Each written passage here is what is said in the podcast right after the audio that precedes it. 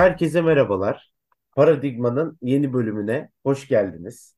Bu dönem küresel siyasetin işte türbülanslı ortamından dolayı daha nadir bölüm yayınlıyoruz ama özellikle daha hani ara verdiğimiz bir seri diyelim test konuşmaları oldu. Onu da yani bir idealle başlatıp aslında işte akademiye başlamış, akademiye yeni girmiş hocalarımızdan böyle özellikle test hikayelerini, hani ilham verici süreçlerini bizlerle paylaştıkları bir de seri planlamıştık. Bugün de e, paradigmanın hani böyle demir başlarından artık diyebilirim. Hem destekçisi hem ne zaman çağırsak bize gelen, e, hiç, hiç, hiç bizim teklifimizi kırmayan, geri çevirmeyen ve daha önce de Covid-19 ve demokrasi e, bölümünü yaptığımız artık doktor, kendisi bunu gururla söyleyebiliyorum. E, Doktor Canan Tülüş Türk hocamla birlikte bugün tezini konuşacağız. Hocam hoş geldin. Hoş bulduk, merhabalar. E, hocamız e, çok güzel bir tez yazdı ve bu sene itibariyle tezini de vererek mezun oldu. Canan hocamızı hem İstanbul Politikalar Merkezi Araştırma ve İdari İşler Kıdemli Uzmanı olarak hatırlıyorsunuz. Bir de yeni bir titri var artık. Okan Üniversitesi öğretim görevlisi. Doğru mudur hocam? Evet, yarı zamanlı olsa da karşılaştırmalı siyaset dersleri vermeye başladım Okan Üniversitesi'nde. İPM ile birlikte ikisini birlikte yürütüyorum. Şahane. Artık böyle gururla tekrardan böyle bir iki sene sonra hani tekrardan ağırlamak çok keyifli oldu gerçekten. Bu sefer de hakikaten hani zaten konuşuyorduk ama hani üzerine o kadar eforla hani gidilmiş ki tezin e, yani okuyan izleyicilerimizden yani inşallah bölümden sonra e, daha da böyle izleyicilerimiz dinleyicilerimiz şevklenip teze bakma hani şeyinde bulunurlar diye umuyorum. Çünkü gerçekten çok güzel bir çalışma. Tezin ismi demokrasi üzerine normatif kavramların tartışılması Kırklar ile örneği. Çok ilginç bir tez. O yüzden ben çok uzatmadan aslında ilk bir şeyi dinlemek isterim hocam senden. Hani bu tezin e, ilham kısmı nasıl geldi? Nasıl başladın bu sürece? E, nasıl bu konuya karar verdin? Çünkü genelde hep böyle bizim arkadaşlarımızla da konuştuğumuz ortak bir sorundu. Yani yeterliği geçtim. Nasıl konu bulacağım? Kendime ilham alacağım bir konuyu nasıl seçeceğim gibi. Master'dan sonra mesela. Master'da da aynı problemler oluyordu ama hani bu ilhamı nasıl aldın? Nasıl başladın bu sürece? Onunla giriş yapalım istersen.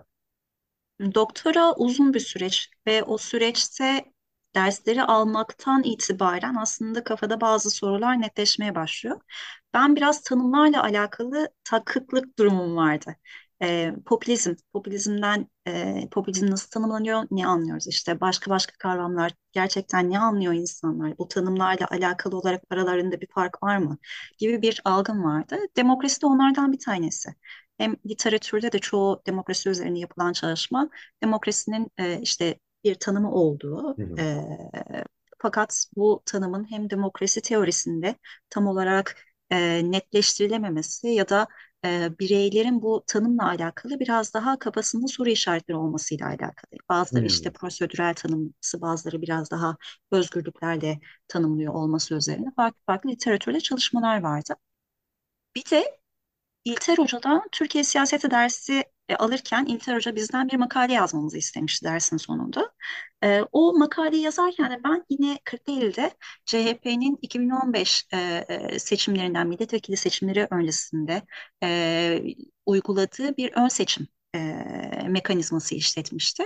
O ön seçimde aday adaylarının belirlenmesiyle alakalı daha sonra e, bu aday adaylarıyla ve e, Cumhuriyet Halk Partisi'nde işte parti profesyoneli dediğimiz bireylerle görüşme yapmıştım. Orada şöyle bir şey çıktı. E, bu ön seçimler e, parti tabanını sürece katma açısından ve demokrasiyi yerine getirme açısından e, elverişli ve başarılı. Ama ve lakin e, sonuçlar belirleyen ya milletvekilinin, o bölgedeki milletvekillerinin ya da belediye başkanlarının e, işaret ettiği adaylar. Ve e, görüşmeciler direkt olarak şunu belirlemişti. Biz gönlümüzdeki aslanı çıkarttık. Böyle bir tabir olmuştu. Dolayısıyla yani demokrasi böyle bir oyun ama bu oyun gerçekten demokrasi mi değil mi e, diye ondan sonra literatüre dönüp baktım. Ve literatürde o zamanlarda zaten bir e, baz oluşmaya başlamıştı. Bununla alakalı işte e, arz talep üzerinden bir çalışmalar yürüyordu. Daha çok bireylerin algısı üzerine çok yavaş bir e, şekilde literatür başlamıştı. Fakat bu son dönemlerde bu literatür e, yaklaşık 4 sene takip ettim literatürü. E, çok büyüdü. E, bu Google Alert'ten demokrasiyle alakalı mesela kelimesinin alarmları bana düşüyordu ve e, gelen maillerde e, 10 tane makale düşüyorsa bunların e, 8-9 tanesi neredeyse bu demokrasi algısıyla işte satisfaction with democracy dediğimiz demokrasiden memnuniyet, support, demokrasiye destek üzerine gelişmeye başladı. Böyle olunca benim sorum da o literatüre bir şekilde e, oturdu ve hem o literatürle hem onun e, farklı düzeylerdeki etkileriyle hem de e, biraz daha yerel siyasete çalışarak oradan bir ışık tutmaya çalışan bir tez oluşturmaya çalıştım ben de. Yani çok da başarılı olmuş hocam gerçekten. Geldiği nokta, beslendiği nokta çok ilginç. Yani artık dünyada da hep böyle okuduğumuz çalışmalar dediğin gibi hep artık demokrasinin sorgulanması. Covid-19'da çok güzel anlatmıştın onu. Şimdi öyle de bir gelen bir dalga var. Oradan da böyle Türkiye'nin özellikle yerel siyasetiyle ilgili şimdi girdiğimiz süreçle de ilgili çok böyle dersler çıkıyor tezler. Ben yani kendi nazarımı aldım. O yüzden hani şeyle istersen belki tek tek gidebiliriz ya da hani nasıl e, şey yapmak istersen ilk böyle hani tezin beslendiği böyle teorik çerçeve ve yöntem olarak hani nasıl inşa ettiğini hani şey yapabiliriz tezi istersen. Hani beslendiği kuram biraz girdin ama hani detaylandırmak istersen ve yönteme nasıl karar verdin ve onu nasıl uyguladın? Oradan da hani yavaş yavaş aşamalandırabiliriz istersen. Tabii e, bununla alakalı şimdi e, küresel olarak demokrasinin e, gerilemekte olduğu bir gerçeği var. İşte bazı çalışmalar buna gerileme diyor trendi, bazıları demokrasinin üçüncü ters dalgası ya da otokrasinin üçüncü dalgası olarak veriliyor. Farklı farklı bunun tanımları var. İşte kriz, yavaşlama gibi gibi. E, ama bir backsliding literatürü artık oturmuş durumda. Özellikle son 20 yıla atıf edecek şekilde.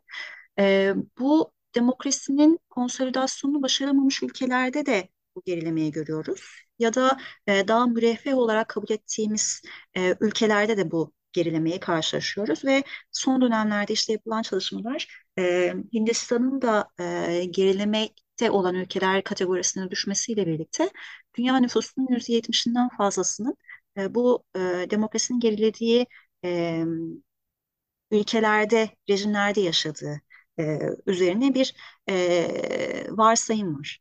Dolayısıyla e, bir yandan bu gerilemeyi görüyoruz. Bir yandan bu gerilemenin de farkında olan bireyler e, o gerilemeye ön ayak olan ve e, demokrasinin bir e, kurumu olan seçimlerde başa gelen ama seçimlerde başa geldikten sonra demokrasinin altını e, ne diyeyim oyan demeyeyim ama demokrasinin gerilemesine sebep olan ya da otoriter eğilimler sergileyen popülist liderleri ya da partileri oy vermeyi sürdürüyorlar. Dolayısıyla burada bir demokrasi paradoksu olarak kavramlaştırılan bir terim var. O da şu, demokrasinin gerilediği böyle bir e, dönemde demokrasiye karşı istikrarlı ve artan bir destek olmasına rağmen bireyler tarafından e, demokrasi neden geriliyor bu sefer? Destek artıyor ama demokrasi geriliyor. Dolayısıyla buna demokrasi paradoksu diyorlar literatürde. Az önce söylediğim gibi yani çok böyle e, kısıtlı sayıda çalışma varken birdenbire bu çalışmalar e, özellikle bireylerin demokrasi algısı e, olarak e, geçiyor. Hatta bunun kısaltmasını yaptılar. PUT olarak bir e, Popular Understanding of Democracy gibi bir kısaltma doğdu. Bundan sonra bu konuyla ilgilenen çalışmak isteyen insanlar olabilir diye bir ön ayak olsun diye söylemeye e, çalışıyorum burada. Dolayısıyla bu insanların demokrasi algısı na bakalım. Bu insanlar demokrasiyi gerçekten nasıl tanımlıyorlar? Bunların bazıları diyorlar ki e, demokrasinin daha sorunlu olduğu rejimlerde bireyler demokrasiyi prosedürel anlamda tanımlıyor. Daha e, liberal demokrasilerin yerleşik olduğu yerlerde daha e, özgürlüklere atıf atılıyor ya da bunun farklı farklı görüşleri de var, çalışmaları da var. Ya da demokrasiden memnuniyet, bu satisfaction with democracy üzerine ilerleyen literatür de e, ya oyunun işte hükümetik partinin üye olan e, kişiler ya da hükümetik partiye oy veren insanların demokrasiden memnuniyet düzeylerinin daha yüksek olduğu, kaybedenlerin biraz daha düşük olduğu ya da bununla alakalı kazanan kaybeden arasındaki fark üzerinden ya da hangi durumlarda demokrasiden insanların feragat edebileceği üzerine bir yazın türüyor. İşte e, daha önceki paradigmada onu konuşmuştuk. Covid-19 zamanında insanların işte bazı saiklerle demokrasiden feragat edebileceği e, gerçeği üzerine konuşmuştuk. Onun üzerine inşa etmiştik. E, ben de tezde bunu çalışmaya çalışıyorum. Yani bu literatürde atıf edilen demokrasi paradoksunu anlamak birinci hedef ve bireylerin demokrasiye olan bağlanımındaki e, ya da anlayışındaki düşüşü sorgulamaya çalışıyorum ve bunu da e, şu sorular kafamda vardı e, ve yani bütün analizin üç aşamasında yapmıştım onu da anlatırım. O üç aşamada bu soruyu ben hep revisit ettim, hep bir tekrar ettim. E, o da şu demokrasinin yaşadığı küresel gerilemede bireyler nerede durmakta? Ve neden demokrasiye bireysel desteğin sabit kaldığı ve hatta arttığı bir zamanda bu aynı bireyler demokrasiye ve kurumlara zarar veren lider ya da partileri desteklemeye devam ediyorlar. Ya da demokrasi gerilemekte fakat bireysel düzeyde e, buna e, demokrasiyi insanların e, kavrayışı, demokrasiye bağlılığı ya da iyi işleyen bir demokrasiden beklentileri ne düzeyde? Yani bu üç düzey üzerinden ilerledim. Birincisi dediğim kavrayış tanım. İşte bireyler demokrasiyi nasıl tanımlıyorlar? İlk aşama. ikinci aşama bu bireyler e, e, kendi kasabalarındaki demokrasi oyununu nasıl oynuyorlar? O demokrasiye bağlılıkları nasıl? Üçüncüsü de beklentiler. Bu bireyler iyi işleyen bir demokrasiden ne bekliyorlar? Ya da üçüncü otoriterleşme dalgası sırasında bu beklentilerinde geçmişe nazaran bir fark var mı? Ee, sorusu. Ee, şeye gelirsek, e, metot ne metodu kullandım ona gelirsek, e, ben e, yazımda daha çok nicel veriler, nicel araştırma üzerine gidiyor. E, belirli işte e, World Value Survey, barometreler ya da başka başka e, anketler üzerinden çalışmalar yapılmış. E, benim şöyle bir fark var. E, ben kısa dönem etnografi e, çalışarak e, e, datayı e, elde ettim. E, o da yani hem e, 40'lı 50'den bir insan olarak hem oraya erişimim olması hem de e, belirlediğim görüşmecilerin e, arka planını bilmek hem o insanların konuşurken ne anlattıkları hem de e, aslında kafalarının arka plasında o ikinci e, görüşlerin ne olduğu üzerinden bir karşılaştırma onu da e, analizde hesaba katabilmek gibi bir avantajım oldu. O reflektiviteyi kullanmaya çalıştım. Forumda işte demokrasi düşüştü ancak bireylerin demokrasiyi anlama düzeyi, demokrasiye bağlılıkları ve demokrasiden beklentileri de düşüşte mi? E, bunun için de e, özgün bir soru seti oluşturduk. E, danışmanım Emre Erdoğan'la birlikte. Emre Hoca ile bu soru seti üzerinde çok çalıştık. Dört ay harcadık. E, 7 ya da 8 soru seti sıfırdan e, hazırladık. E, ve sahaya bir pilot çalışma yaparak gittim. Sakarya'da pilot çalışmayı yaptım. O pilot çalışmadan sonra soru setini netleştirdik ve e, sahaya çıktık, Kırklareli'ye çıktık. E, ve yani e, iki sette e, yaptık. Bir e, ilkbahar 2021 bir de e, yaz sonunda Ağustos ayında 2021'de e, saha yaptık ve e, farklı siyasi partilere mensup sadece CHP'de değil bu sefer diğer e, temsil edilen partilerden de e, 35 e, siyasette aktif e, kadın ve erkekle görüşmeler yaptık. Bunlar hep 25 yaş üstü e, olarak e, bir dağılım gerçekleştirdi. E, sana şeyi e, jüri sunumunu göndermiştim. E, 40 değildeki seçim sonuçlarına paralel bir e, şekilde bir e, dağılım oluşturduk. Ve bunun üzerine bir e, daha sonra her şeyi transkripsiyonları yapıp sadece görüşmelerden o görüşme kılavuzuyla e, birebir görüşmeler yaptığım şey değil. O insanlarla anekdotlar, benim notlarım, e, kayıt sonrası, öncesi ve sonrası konuşmalarımız hepsini hesaba katarak e, datayı oluşturdum. Ve buna göre e, bir analiz gerçekleştirdim. Analizi de farklı düzeyler üzerine yapmaya çalıştım. E, mikro, mezo, makro ve krono düzeylerde e, analiz yapmaya çalıştım.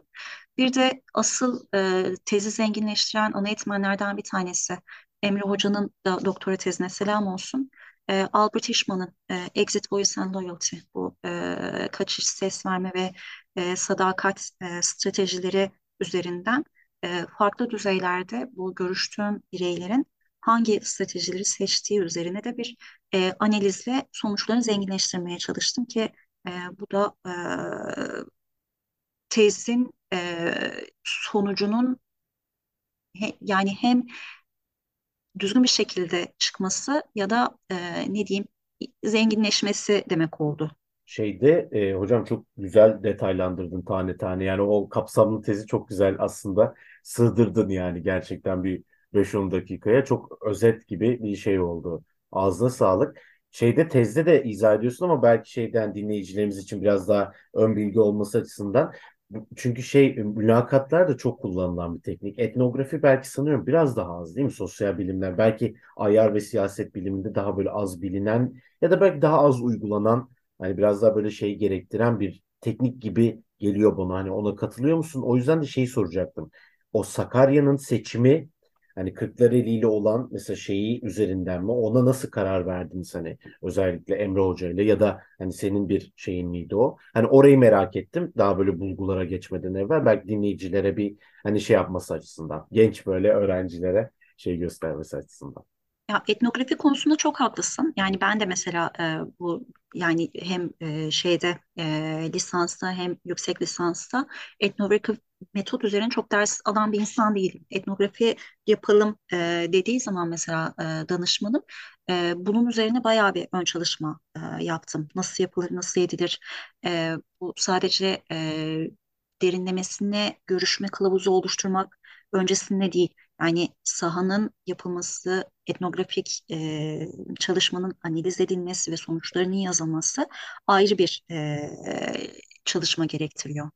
E, ama şeyde e, bir yandan bu söylediğin şey tezi literatürdeki demokrasi algısı çalışmalarından da ayıran bir şey.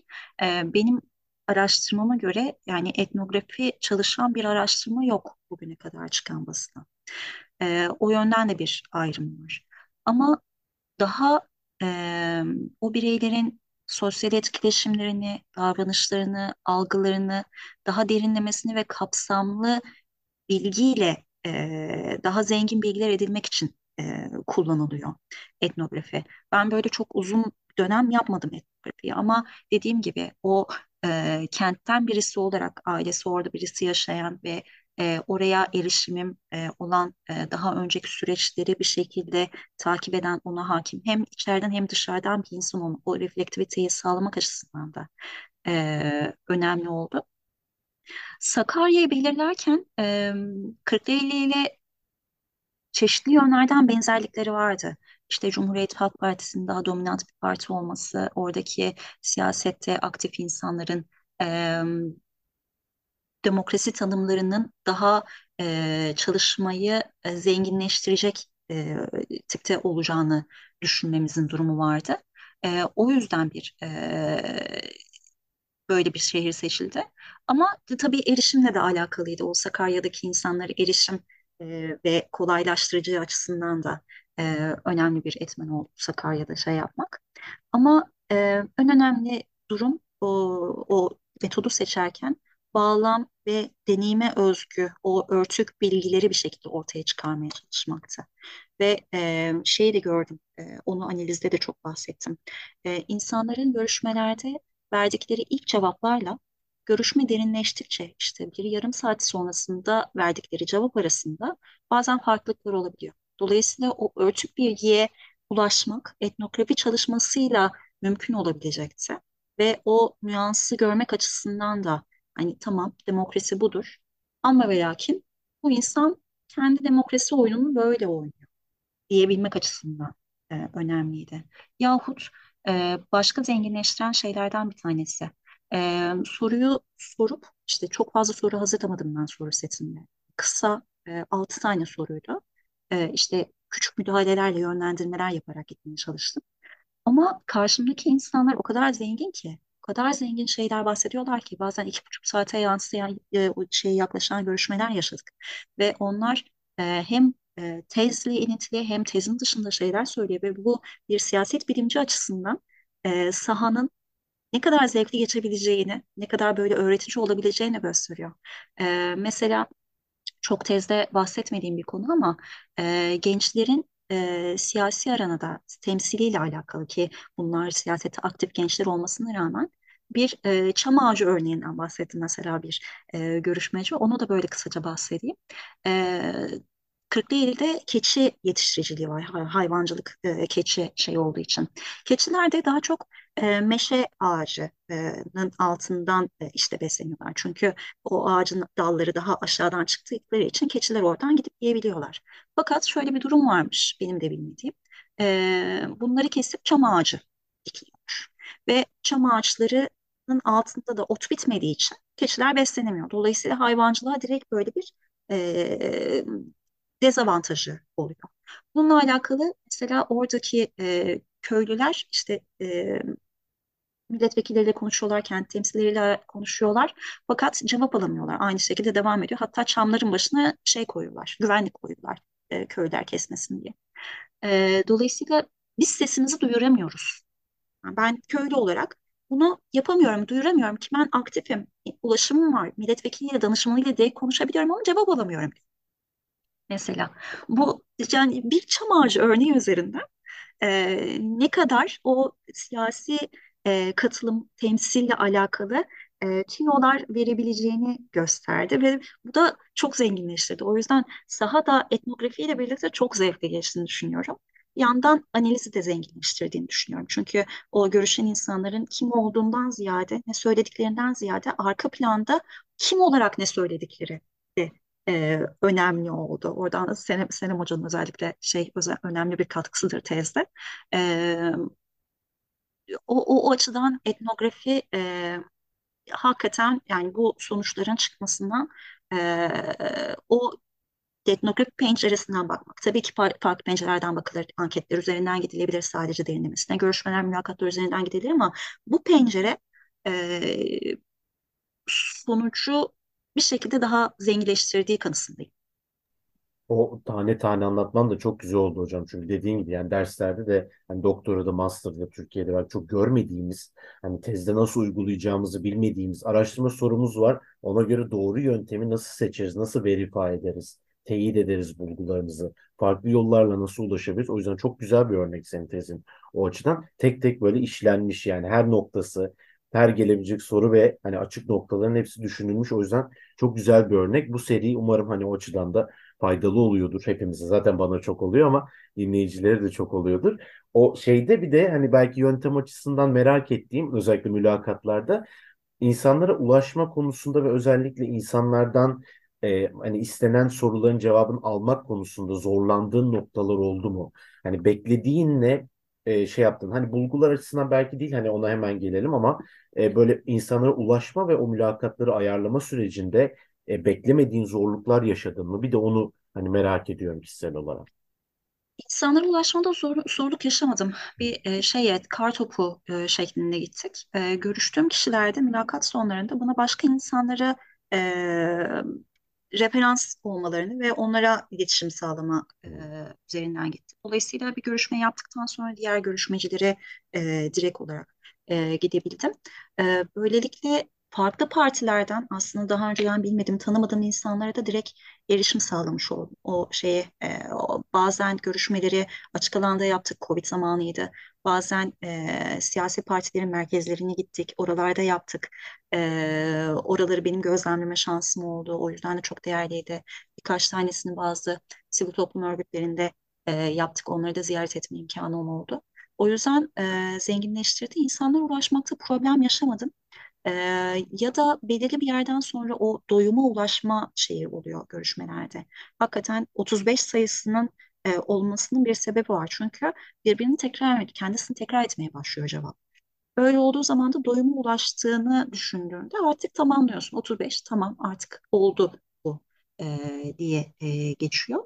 Ve şeyde e, ama bazen çok uzadı.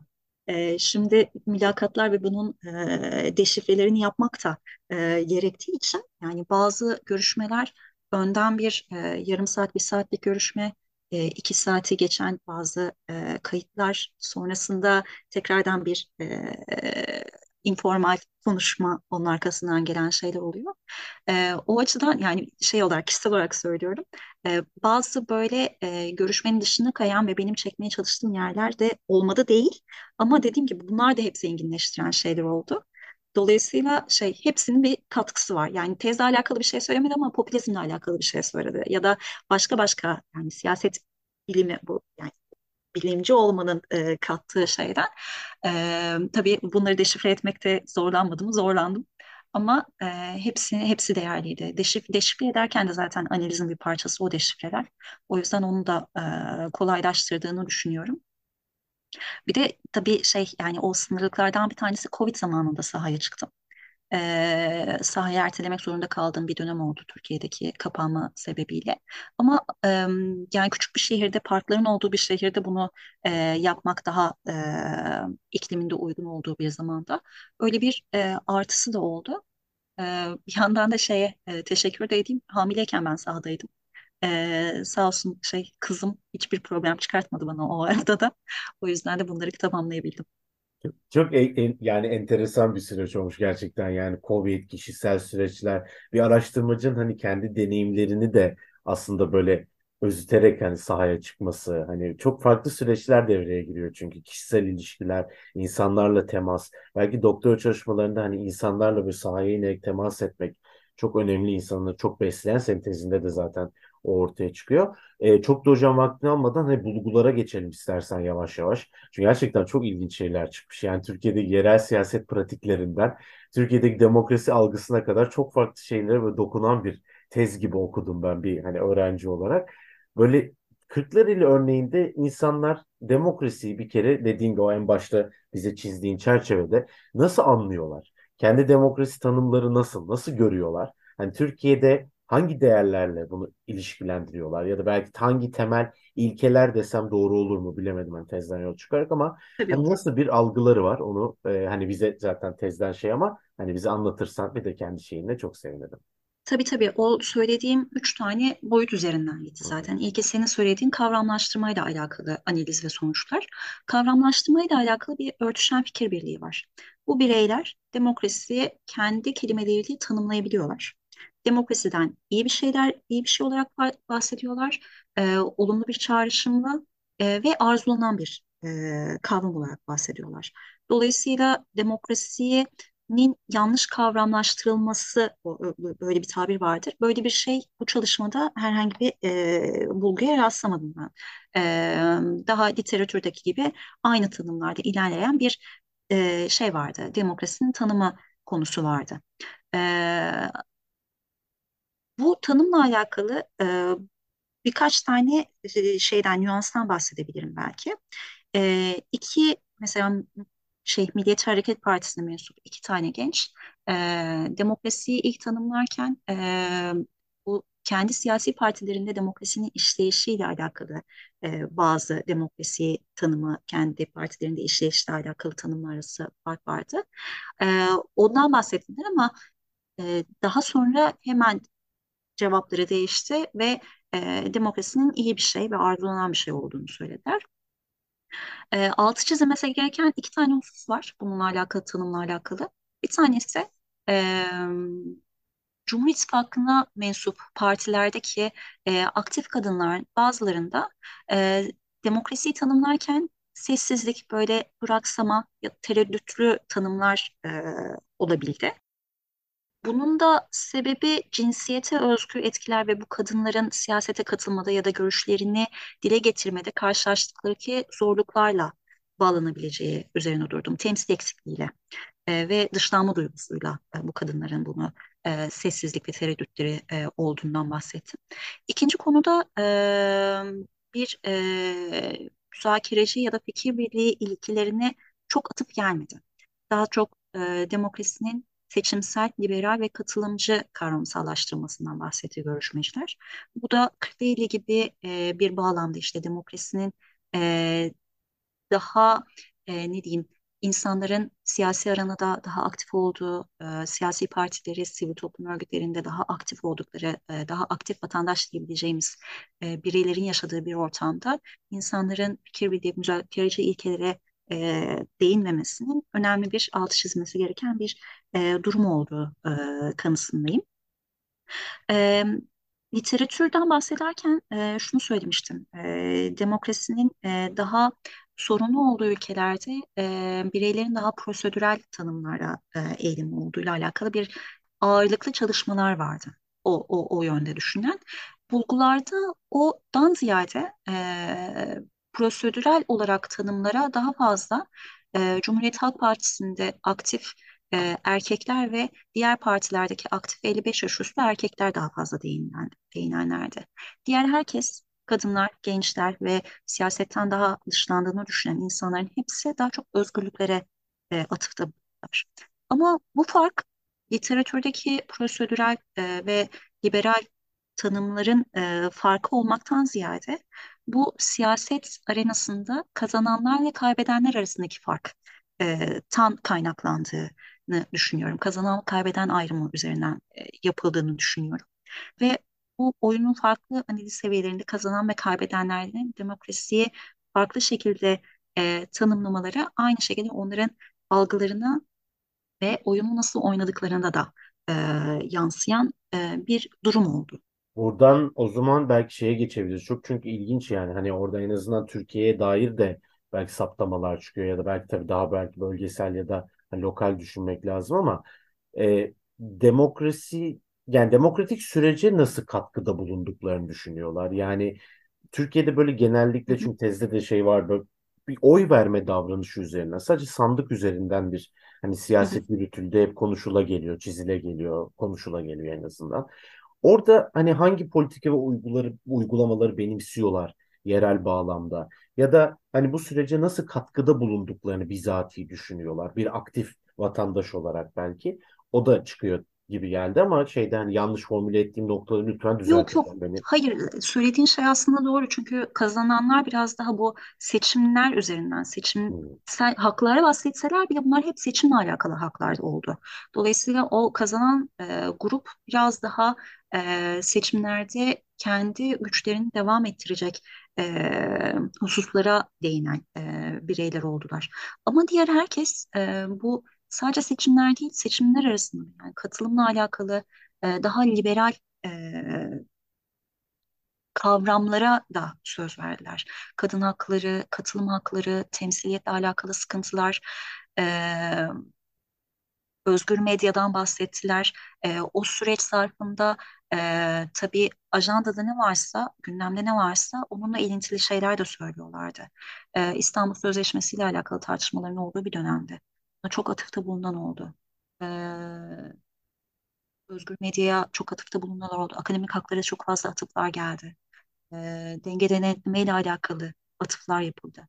E, dolayısıyla sadece seçimlerde sınırlı değil e, ama yani şunu geri planda tutmak lazım. Bunlar siyasi partilerde aktif insanlar. Dolayısıyla sokaktaki birebir o insanlar değil, ordinary citizen dediğimiz şey e, grup değil. E, onların siyasete aktif bireylerle görüşmek belki bunu sağlamıştır. Dolayısıyla başka bir çalışmayla bunu bu veriyi desteklemek lazım. Ben sadece kendi çıkardığım sonuçlardan söylüyorum. Şimdi yerel siyasetin tabii ki genele de e, yansıyan birçok yansıması var. E, ona ona geçmeden önce şu şeyi söyleyeyim. Tanımlarla alakalı e, şeye e, bölümde e, az önce dedim ya bireylerin ilk görüşmelerinde verdiği cevapla e, bir e, görüşme derinleştikçe verdiği cevaplar arasında e, farklar çıkmaya başladı bir yerden sonra. Bunları da e, şey olarak ayırdım ben. E, belirli e, ya sınırlılıklar ya da kısıtlardan bahsettim. Ee, sınır yani hep bir amayla devam eden bir cevap var. Demokrasi şudur ama hep buna gitti. Bu amalar iki şeye çevrildi. Bir tanesi e, demokrasinin ya hipokratik bir anlayışa evrildi ya da e, görüşülen kişilerin daha otoriter tutumlarını yansıtan e, olgulara evrilmeye başladı. Sapmalara eriş e, ermeye başladı. Ee, örnek verecek olursam mesela hipokrasiden bahsedersem şu. e, bu parti profesyonel olarak tabir edebileceğimiz e, görüşmecilerden bir tanesi. E, partilerde, siyasi partilerin içerisinde gençlik kotalarının mutlaka uygulanması gerektiğinden bahsetti. Fakat başka görüşmeciler bu e, aynı kişinin e, işte delege seçimlerinde çok e, nüfuslu olduğu ve gençlerin önünü tıkadığının e, örnekleri başka birçok görüşmeci tarafından dile getirildi mesela. Ya da e, bu hipokrasiyle alakalı bir örnek olarak verebilirim. E, daha otoriter eğilimlerle alakalı olarak da bu e, bireylerde e, bu Norris'in e, Security Conformity Loyalty şey vardır. Güvenlik, sadakat ve bağlılıkla alakalı. Bunların üçü birden çıktı. E, özellikle e, hükümetteki parti ve ittifakın e, e, mensupları tarafından. Onlar da şu, e, mesela bir seçim yapılıyor ve e, bu seçimde e, HDP'nin olmasının antidemokratik olduğunu söylemek ya da LGBT kesinlikle burada var olamaz gibi bir cevap vermek. Bu vaka örneği üzerinden e, söylenen şeyler oldu. Ya da e, belirli şeylerde demokrasiden feragat edilecek. E, devletin bekası başka başka durumlar. İşte zaten çok düşmanımız var. Dolayısıyla e, bu demokrasiden feragat edilebilir. Direkt literatürle bağlantılı olarak şeyler söylediler. E, dolayısıyla her ne kadar iyi, olumlu ve arzulanan bir şey olarak tanımlasa da bu insanlar e, ama amalar, amalardan sonra gelen sonralar e, hep bir şey e, belirleyici oldu. Onlarda ya e, demokrasi, demokrat with, with adjectives şey vardır. Bu e, kendilerini demokrasi olarak demokrat olarak tanımlayan bu e, bireylerin aslında e, otoriter eğilimler sergileyebileceği ya da kendi demokrasi uygulamalarında farklı e, yönlere gidebileceği e, üzerinden bir e, sav gerçekleşti. O da şöyle, hani son, buradan sonuca e, gidersek bu tanımlarla alakalı, e, bu bulgular demokrasiye verdikleri desteğin e, bu bireylerin umut verici olsa da e, demokrasiyi içselleştiremedikleri ya da hipokratik ve otoriter bir anlayışa sahip olduklarını gösteriyor. Ki e, siyasette aktif bireylerin bu şekilde olduğunu, e, bazen demokrasiyi içselleştirememesi, bazen demokrasiyi daha işlevsel, araçsal bir şekilde görmesi ya da otoriter bir anlayışa sahip olması e, iki soruna sebep oluyor. Bir tanesi e, bundan sonra durum nasıl düzelecek sorusunu sorduğumuzda ki bu aktif siyasilerin e, bir şekilde oyunu şekillendirdiklerini düşünürsek e, o soru nasıl düzelecek sorusu biraz havada kalıyor. Çünkü bu bireylere güvenmeli miyiz, güvenmemeli miyiz? Dolayısıyla onların ağzından çıkan kelamla gerçeklik arasında bir fark var çünkü. Bir ikincisi de şu, bu e, Şebnem Gümüşçü sağ olsun, onu, onun katkısı oldu burada. E, Can'a bak, da bak bu var farkındasın değil mi de, dedikten sonra ben onu e, görebildim. Çok içindeyken bazen göremiyorsunuz ya sağ olsun. E, demokrasinin köydeki, kasabadaki tek oyun olup olmamasıyla alakalı soru daha çok ikinci otoriterleşme dalgasına ait bir soru. E, dolayısıyla demokrasi ne oynuyoruzdan ziyade nasıl oynuyoruz sorusu vardı. Çünkü üçüncü otoriterleşme dalgasında soru yani oyunun adı hala demokrasi ama demokrasi oyunu içerisinde bir gerileme söz konusu. Bu sonuçlardan şey görüyoruz. Yani üçüncü otoriterleşme dalgasında da demokrasinin tutumsal konsolidasyonuyla alakalı bir tartışmaya geri dönmek mi gerek gibi bir soru çıkıyor. Dolayısıyla hala kasabadaki tek oyun mu demokrasi sorusu e, burada gün yüzüne çıkarılıyor.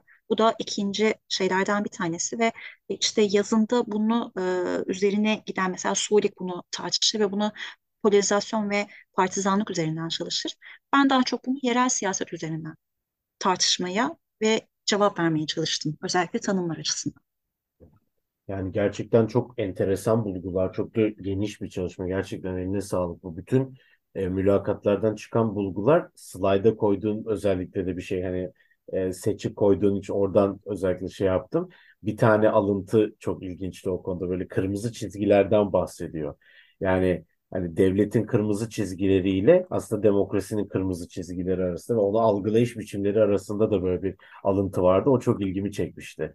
Ee, evet özellikle. o kırmızı çizgiler çok gelen evet. sonuçlardan bir tanesi. Evet. Bir tane o yani demokrasiden direkt olarak belirli e, dönem yani belirli e, olgular karşısında feragat edilebileceğiyle alakalı ve bu e, yazınla da birleşen bir e, bulgu oldu evet. Evet, o çok, o çok ilginç bir yani o belli metaforlar insanların kullandığı belli tanımlamalar da çok ilginç oluyor. Son dönemde yani gerçekleşen özellikle hani CHP seçimleriyle de tekrardan bir gündeme geldi ya delegelerin belirlenmesi işte parti içi siyaset onları da konuştuğumuz bir döneme aslında denk geldi podcast. O açıdan da çok güzel oldu. Tabii mülakatlardan bu yana hani zaman geçti ama o kadar hala aktif bir konu ve bugüne parti içi siyasete bile belki hani ışık tutan şeyler aldım ben. Hani günümüz tartışmalarından ama hani o açıdan da çok e, ilgimi çekmişti. E, bundan sonra hocam hani özellikle hani içselleştirme probleminden de bahsettiğin için hani, daha, hani sonuca gelirsek belki biraz daha onun üzerinde istersen durabiliriz ya da senin eklemek istediğin ek noktalar benim kaçırdığım hani sormayı unuttuğum noktalar varsa hani onlara da geçebiliriz. E, bu yani bireylerin normatif yargılarıyla da çok alakalı olduğu sonucu çıkıyor gibi geldi bana. Yani bir tehdit algısı olarak da yani demokrasiye hangi noktaları tehdit olarak görüyorlar? Çok böyle ciddi bir tanımlama gibi yani tehdit doğrudan doğruya demokrasiye gelen tehdit algısı ve içselleştirme sorunu açısından hani tezi bir noktaya getiriyorsun. Hani istersen biraz o konuları da açmak istersen oraya gelelim. Ya da dediğim gibi benim unuttuğum noktalar varsa onlara da gelelim. Olur şeyden bu sadece bu sonuçlar tanımla alakalıydı. Şimdi bir de demokrasiye olan bağlılık üzerine aslında senin sorduğun soruların cevabı hepsi bağlılıkla alakalı tartışmalı. Yani Türkiye'de demokrasi nasıl işliyor? Ya da kasabada kendi ya değil o demokrasi nasıl işliyor? Ya da kendi siyasi partilerinde bu demokrasi nasıl işliyor? Sorusuna cevaben şey vardı. Burada az önce belirttiğim kazanan kaybeden arasında yani şeydeki hükümetteki partiye mensup insanlar daha memnunken diğerleri daha e, demokrasinin e, işleyişinden memnuniyetsizlik düzeyi vardır, şeyi vardır yazında. Böyle bir şey benim bulgularımda çıkmadı. Türkiye'de demokrasinin e, işleyişiyle alakalı sıkıntı olduğunu örtüşen bir fikirle birliği var. Dolayısıyla yani bu cinsiyet, siyasi parti ya da yaş ayrımı olmaksızın e, demokrasinin kusurlu olduğuna dair genel bir hoşnutsuzluk e, durumu vardı. Dolayısıyla bu farklı düzeylerde farklı şekilde yansıyor. E, daha 40 değil de yani mikro düzeyde daha 40 değil de bireysel düzeyde geçtiğimizde bu e, mikro düzeye baktığımızda e, özellikle e, Kırklareli de e, farklı diğer e, şehirlerden farklı olarak CHP'nin dominant olduğunu görüyoruz Kırklareli'de. Ve bu CHP'nin dominant olması sadece CHP'de değil aslında. Hem CHP hem de farklı siyasi partilerdeki 55 yaş üstü erkekler orada e, parti profesyoneli olarak tanımlıyoruz. Bunu Osman Koca e, çalışmasında parti profesyoneli olarak tanımlamış. Onların yerel siyasette şekillendirdikleri, e, bir şekilde kuralları koydukları ve kendi lehine oyun oynadıkları ve kadınları, gençleri ve geride kalan herkesi biraz daha dışarıda bıraktıkları, bunların kazanan ve diğerlerinin kaybeden olduğu bir ortamdan bahsediyoruz. Ee, kadınlar ve gençlerin durumuyla alakalı çok ciddi altını çizilmesi gereken şeyler olduğunu düşünüyorum. Yani bu kadınların ve gençlerin siyasette aktif olmalarına rağmen dışarıda kalması bazı e, sonuçları var. E, Mesela kadınların e, siyasette manevra alanlarının sadece sınırlı değil, aynı zamanda neredeyse sıfır olduğuyla alakalı. E, tam test çalışmasını sunacağım zamanlarda bu milletvekili adaylarının seçimliğiyle ilgili bazı şeyler düşmüştü özellikle e, sosyal medyada. Mesela Kırklareli e, bugüne kadar e, kadın milletvekili e, çıkaramamış il, ilçeler, illerden bir tanesi. E, dolayısıyla bu kadar e, sos, sosyal ve ekonomik sermayenin, kapitalin e, yüksek olduğu, katılımı fazla olduğu bir e, kontekste bunun bu şekilde olması belirli e, sonuçları var. E, ve bunlar bu kadınlarda her zaman bir e, stratejileri belirlerken, ağır taşımanın stratejileri belirlerken çoğunlukla çıkışı seçiyorlar. Siyasete aktifler ama e, ya dışlanıyorlar ya sadece vitrin adayı olarak belirliyorlar. Vitrin adayı demek şu mesela. E, Cumhuriyet Halk Partisi e, 47 milletvekili sayısı 3 ve CHP çoğunlukla. İki, pa- iki e, milletvekili AK Parti bir milletvekili çıkartıyor. E, kadın adayı özellikle üçüncü sıraya yerleştiriyor mesela Cumhuriyet Halk Partisi. Böylelikle sadece vitrin adayı oluyor. Ya da bu kadınların ve gençlerin e, sokakta çalışan partiye oy toplayan ama e, bu çalışmaların faydası tamamen diğer o parti profesyonellerine giden bir şey var. E, ikincisi gençlerin görüşüyle alakalı. E, bu gençler dışlayıcı siyasetten, parti polarizasyonundan, e, yani bütün aslında ülkedeki bu polarizasyondan e, ya da e, partizan politikalardan çok fazla e, söz ettiler ve e, siyasi yani bu siyasi partilerde aktif görevdeki yani üst kademelerde aktif görevlerde olmayan gençlerin hepsi çıkışı seçiyorlar. Bütün e, şeylerde, düzeylerde. O yüzden özellikle siyasi partilerde aktif olan gençlerin ki Türkiye'deki gençlerin aktif olma düzeylerinin yüzde beş düzeyinde falan olduğu düşünülürse son dönemde bu aktif olan gençlerin dahi e, oyundan kaçması e, düşünülmesi gereken e, temalardan bir tanesi ki hepsinin ağzından şunu duydum. Hiçbir şey değişmeyecek.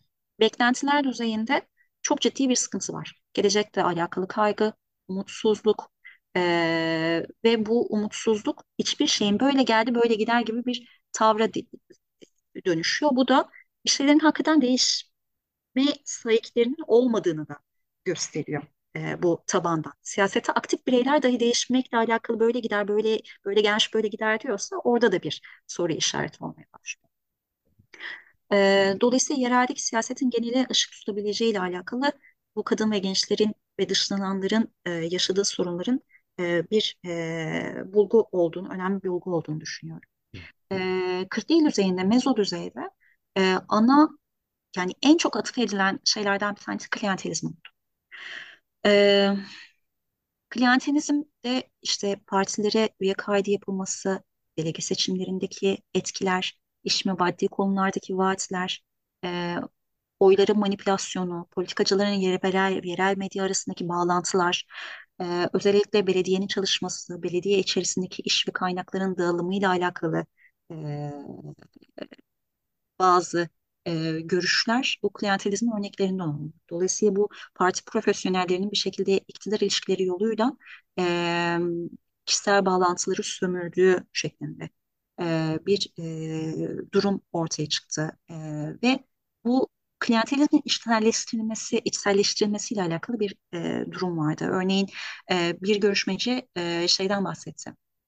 Bir milletvekili e, adayının e, günde e, dört düğün ve cenaze töreni gezmesi bu bir başarı örneğidir, bu bir çalışma örneğidir şeklinde sunuyor. Ama yani düğün ve cenaze gezmesinin sebebi o katılması, işte orada bireysel ilişkiler, e, belirli e, alışverişlerden de bahsediliyor. Onun e, klientelizm benim en çok zevk aldığım, yazmaktan zevk aldığım ürünlerden bir tanesi oldu. Bir de şey e, burada iki örnek analiz e, sunmaya çalıştım. Bir tanesi 2019'da e, belediye seçimleri, 47'deki yerel seçimler burada bağımsız adayın e, diğer partilerdeki e, hem CHP hem MHP hem AK Parti içerisindeki kavgalarla birlikte sivrilmesi ve ortaya çıkması ki kendisi eski e, CHP'li milletvekili, belediye başkanı daha sonradan da CHP'ye dönmüş e, durumda e, bir dışlayıcı politikadan bahsetti e, bu görüşmeciler. Belediye meclis seçimlerinden de e, bahsettim. E, belediye meclis seçimleri şu, e, oradaki dominant CHP tabanı e, onları karşı çıkan AK Partili e, gruba e, bir şekilde seçimi vermiyor. E, tabii AK Partililerin de orada sergiledikleri bazı e, otoriter tavırlardan falan da bahsettim tezin içerisinde. E, açık erişim bu arada tez. E, ben kapatmadım. O sınırı koymadım. E, ilgilenenler hem bakabilirler hem bana yazabilirler. E, jüri sunumum tezi her şey paylaşmakta duyarım. E, ve onlar şeyden bahsettiler. Yani bu merkezdeki 25-30 kişinin parti profesyonelinin oyunun kurallarını belirledi ve kendi lehine kullandıkları işte Karagöz Hacivat oyunundan bahsettiler. Kimisi bunları dinozorlar dedi. Kimisi bir mizansen ya da bir öncelerinde belirlenmiş bir matematik e, hesaplaması şeklinde ilerliyor zaten her şey e, gibi bir e, savdan oluştu. Belediye seçimleri ayrı bir başlık. Şimdi yerel seçimlere gidiyoruz. O belediye başkanlık seçimi örneğini daha uzun uzun anlatmak lazım ama sınırlı zamanımız var. Dolayısıyla yani e, ilgilenen kişilerle ya da tam seçime giderken bununla alakalı başka başka bir şeyler belki e, yazmayı, çizmeye, konuşmaya çalışırım. Ama e, yine de bunun üzerinden de anlatmaya çalışırım. E, tabii bununla alakalı bu bireylerin belirlediği stratejiler de e, önemliydi. E, çünkü bireysel düzeyde, mikro düzeyde bazı nüanslardan bahsettim ama e, mezo düzeyde, kent düzeyinde seçim yani siyasi partinin ayrımı göz, gözetmeksizin bu e, parti profesyonellerinin e, arka planda e, bir kemikleşmiş yapı oluşturduğu değil özelinde ve e, oyunun kurallarını onları belirlediği e, üzerine bir e, savunma var. Bu kemikleşmiş yapının da e, kolay kolay değişmeyeceğiyle alakalı. Siyasi partiler değişebilir, e, başka başka gidip gelebilir ama hem bu farklı siyasi parti mensupları arasındaki o ilişkiler ve o kemikleşmiş yapı e, bir şekilde o 20-25 kişilik e, grup e, o 40 düzeyindeki siyaset arenasına hakim gözüküyor.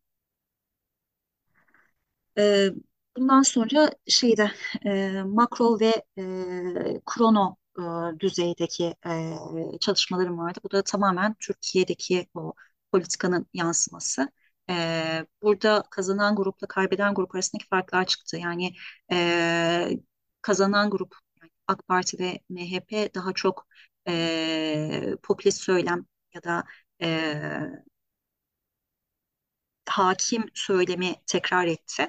E, ama şeyden daha kazı kaybeden grup sadece CHP ve İyi Partililer lider sultasından çok bahsettiler.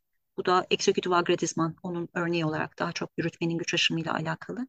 Son dönemde özellikle son 20 yılda e, hükümet liderin e, yürütmenin daha güç kazandığı ve bunun da e, demokrasinin işleyişiyle alakalı tezahürlerinin olduğundan bahsettiler. E, geçmişe nazaran neydi, ne oldu? Oraya e, da kısaca şöyle değineyim.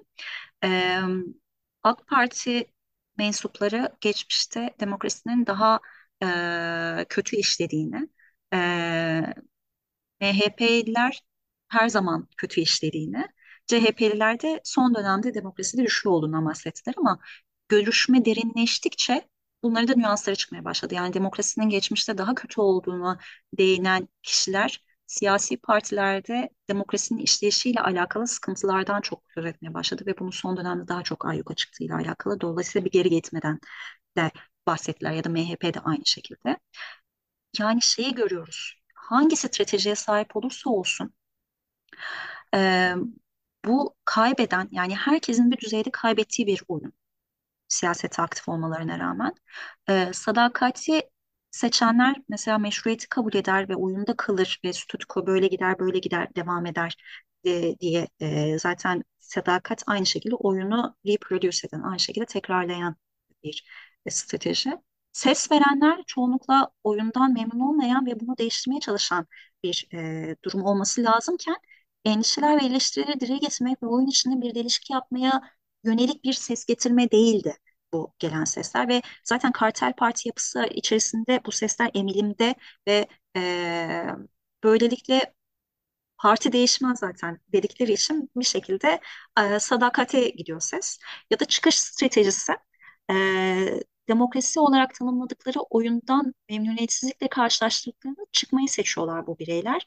Ama statükoyu değiştirmek gibi bir durum değil bu. Yani aynı şekilde kemikleşmiş yapının e, tekrar etmesi ve e, daha çok apatiye kayan e, ya da gelecekten tezahürlerin kaygıyla dolu olmasına kayan bir çıkış stratejisi. Dolayısıyla farklı stratejiler seçse de bu e, bireyler farklı düzeylerdeki memnuniyetsizliklerine karşı gelecek şekilde bu sorunun yeniden üretilmesine dönüyor. Az önce söylediğin şey e, bu e, partiyle alakalı. Şimdi e, aslında daha e, farklı bir yerden e, parti sonucuna girmek lazım ama e, muhalefetin bir şekilde demokrasinin gelişiği gidişiyle alakalı e, set vurabileceği üzerine bir literatür var. Fakat e, muhalefeti güçlendirecek öneriler bulunuyor da bununla birlikte demokrasiyi anlamadaki sorunlar hatta muhalefet partilerine mensup bireylerin dahi kaybeden statüsüne sahip olmaları ve siyasette aktif olmaları e, demokrasinin iyileştirme konusundaki tartışmaları boşa çıkarma durumu da olabilir. Çünkü burada demokrasinin gerilemesinde kırılma noktası olan bilinen zamandan önceki ve partinin yükselişi öncesindeki oyunun da ne kadar demokratik olduğunu da sorgulamak e, gerekiyor değil mi? Dolayısıyla bir sayık var mı e, daha dönüştürmek, gerilemek, e, iyileştirmek açısından e, bunu da düşünmek gerekiyor. Dolayısıyla benim söylediğim şey şu, demokrasiye verdikleri destek bu bireylerin umut verici de olsa da e, bu görüşmecilerin demokrasiyi içselleştirememeleri, hatta hipokritik ve otoriter bir demokrasi algısına sahip olmaları, e, bir yandan onların farklı düzeylerde seçtikleri stratejilerin hep aynı sonuca çıkması ya da oyunu değiştirmek üzerine olmaması e, ya da bu bireylerin acaba demokrasi için kendileri mi bir tehdit oluşturuyor e, sorusu burada gün yüzüne çıkıyor. E, ve senin söylediğin yani muhalefet burada ne kadar başarılı olur, muhalefet ne kadar demokratik e, bir e, içselleştirmeyle gidiyor ya da bundan önce zaten demokrasiyi ne kadar e, gerçekleştirmişti.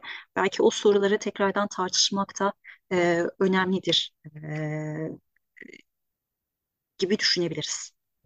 Çok çok güzel özetledin hocam. Çok kritik bulgular. Yani özellikle bu kadar hani derin çalışma da aslında çok görmüyoruz. Genelde çok böyle hani teori building ya da teori hani inşası üzerine giden çalışmalar seninki bizatihi insanların sesini yansıtması açısından da bence çok kıymetli bir çalışma. Literatüre çok katkısı olacağını ben hani bir öğrenci olarak çok nacizane hani okuyan insanlar olarak böyle faydalanan insanlar olarak söyleyebilirim. Ee, seni çok yorduk ama hani son şey olarak da belki hani yine örnek olması açısından işte doktora yapan, master yapan e, öğrencilere, meslektaşlarımıza özellikle hani limitasyonlar, hani bu çalışma nasıl daha ilerletilebilir? O nokta da çok önemli. Çünkü bazı çalışmalarda da atlanıyor. Özellikle hani bizim çalışmalarımızda böyle atladığımız bir nokta oluyor. Sanki hani her noktaya değindik. Hani her şey tamam gibi böyle. Çok kapsamlı bir çalışma ama bu çalışma nasıl ileri götürülebilir noktasında da özellikle çalışmaların bu konuda şu anda hani ne noktada hani biraz sohbet ettik ama yani bu çalışmayı ileri götürmek için daha ne yapılabilir? Başka aklında vaka çalışmaları var mı? Test etmek istediğin, uygulamak istediğin onları da duymak isterim. Ya da benim atladığım nokta varsa ona geri döneriz. Yok yani yorulmadım ayrıca çok büyük zevk benim için yani kendi emeğin olan bir şeyi anlatmak o yüzden şey o bu platformu yarattığın için ayrıca ayrıca teşekkür edeyim tekrardan sana. E, limitasyonlar benim en zevkli yazdığım konulardan bir tanesi oldu. Hatta jüride e, danışmanım Emre Hoca yani bu bölüm e, güzel güzel diye bir e, şey yapmıştı, yorum olmuştu. E, sınırlılıklardan bir tanesi kısa dönem etnografi yapmak. Tabii e, yazında e, daha dediğim gibi daha anketler üzerinden gider bir yazı var. Daha e, kısa dönem etnografi e, yaptım ama bunu yaparken de şöyle bir e, cevabım vardı. Bu critical discourse analiz kullanarak bunu e, yapmanın e, önemli bir artısı olduğunu düşünüyorum. Yani bir yandan e, kimin konuştuğuna bakar yani ne konuştuğundan ziyade o konuşmayı kimin yaptığına bakarak bir şekilde analiz yapmak bunu e, artılarından bir tanesi oldu. İkincisi genelleme ile alakalı sıkıntılar olabilir. Genelleme ile alakalı e, çünkü yazın daha çok e, vatandaşlar üzerinden ilerliyor ama ben e, daha sadece siyasete aktif bireylerle bunu yaptım. Dolayısıyla e, bu daha başka çalışmalarla desteklenebilir, büyütülebilir ileriki aşamalarda. E, daha tek vaka çalışması, küçük bir şehir çalıştım.